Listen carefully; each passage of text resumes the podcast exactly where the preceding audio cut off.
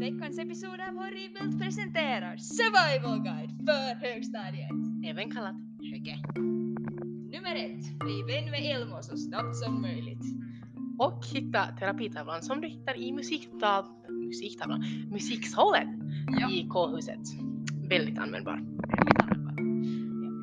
Ja. Jeps, nummer två. Om du är sjua, lär dig dörrkoderna. Absolut. Åtta, du kan lära dig det.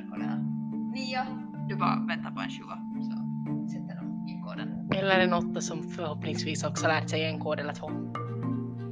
Nummer tre, bli inte med stort inte ovän med språkkorridoren. Fast Eva Larsén är ju ett underband undantag. Men resten av dem, don't get on their bad side. Det löser mer behövs inte sägas.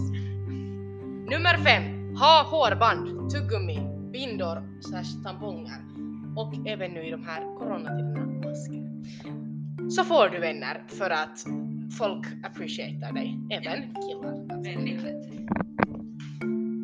Nummer 6. Skriv i vässan. Skriv vad som helst, skriv något legendariskt, skriv något bra. Fastän de målar över det så skriv bara på nytt i så fall. Ett av de mest legendariska quoten någonsin är Wessans och står det at least you're not pregnant. Och det är legendariskt. Vi måste eh, av det priset. Sannerligen. Nummer 7 är mindre viktig, men du vet helt bra i alla fall. Mobba inte. Om du måste mobba så mobba bara tillbaka. Och om du mobbar så du kan testa ge dem en tampong först så blir de inte lika ledsna. Så tar ja. de det mindre hårt. Det, ah. det här var allt för oss. Vi tackar så mycket. Ja.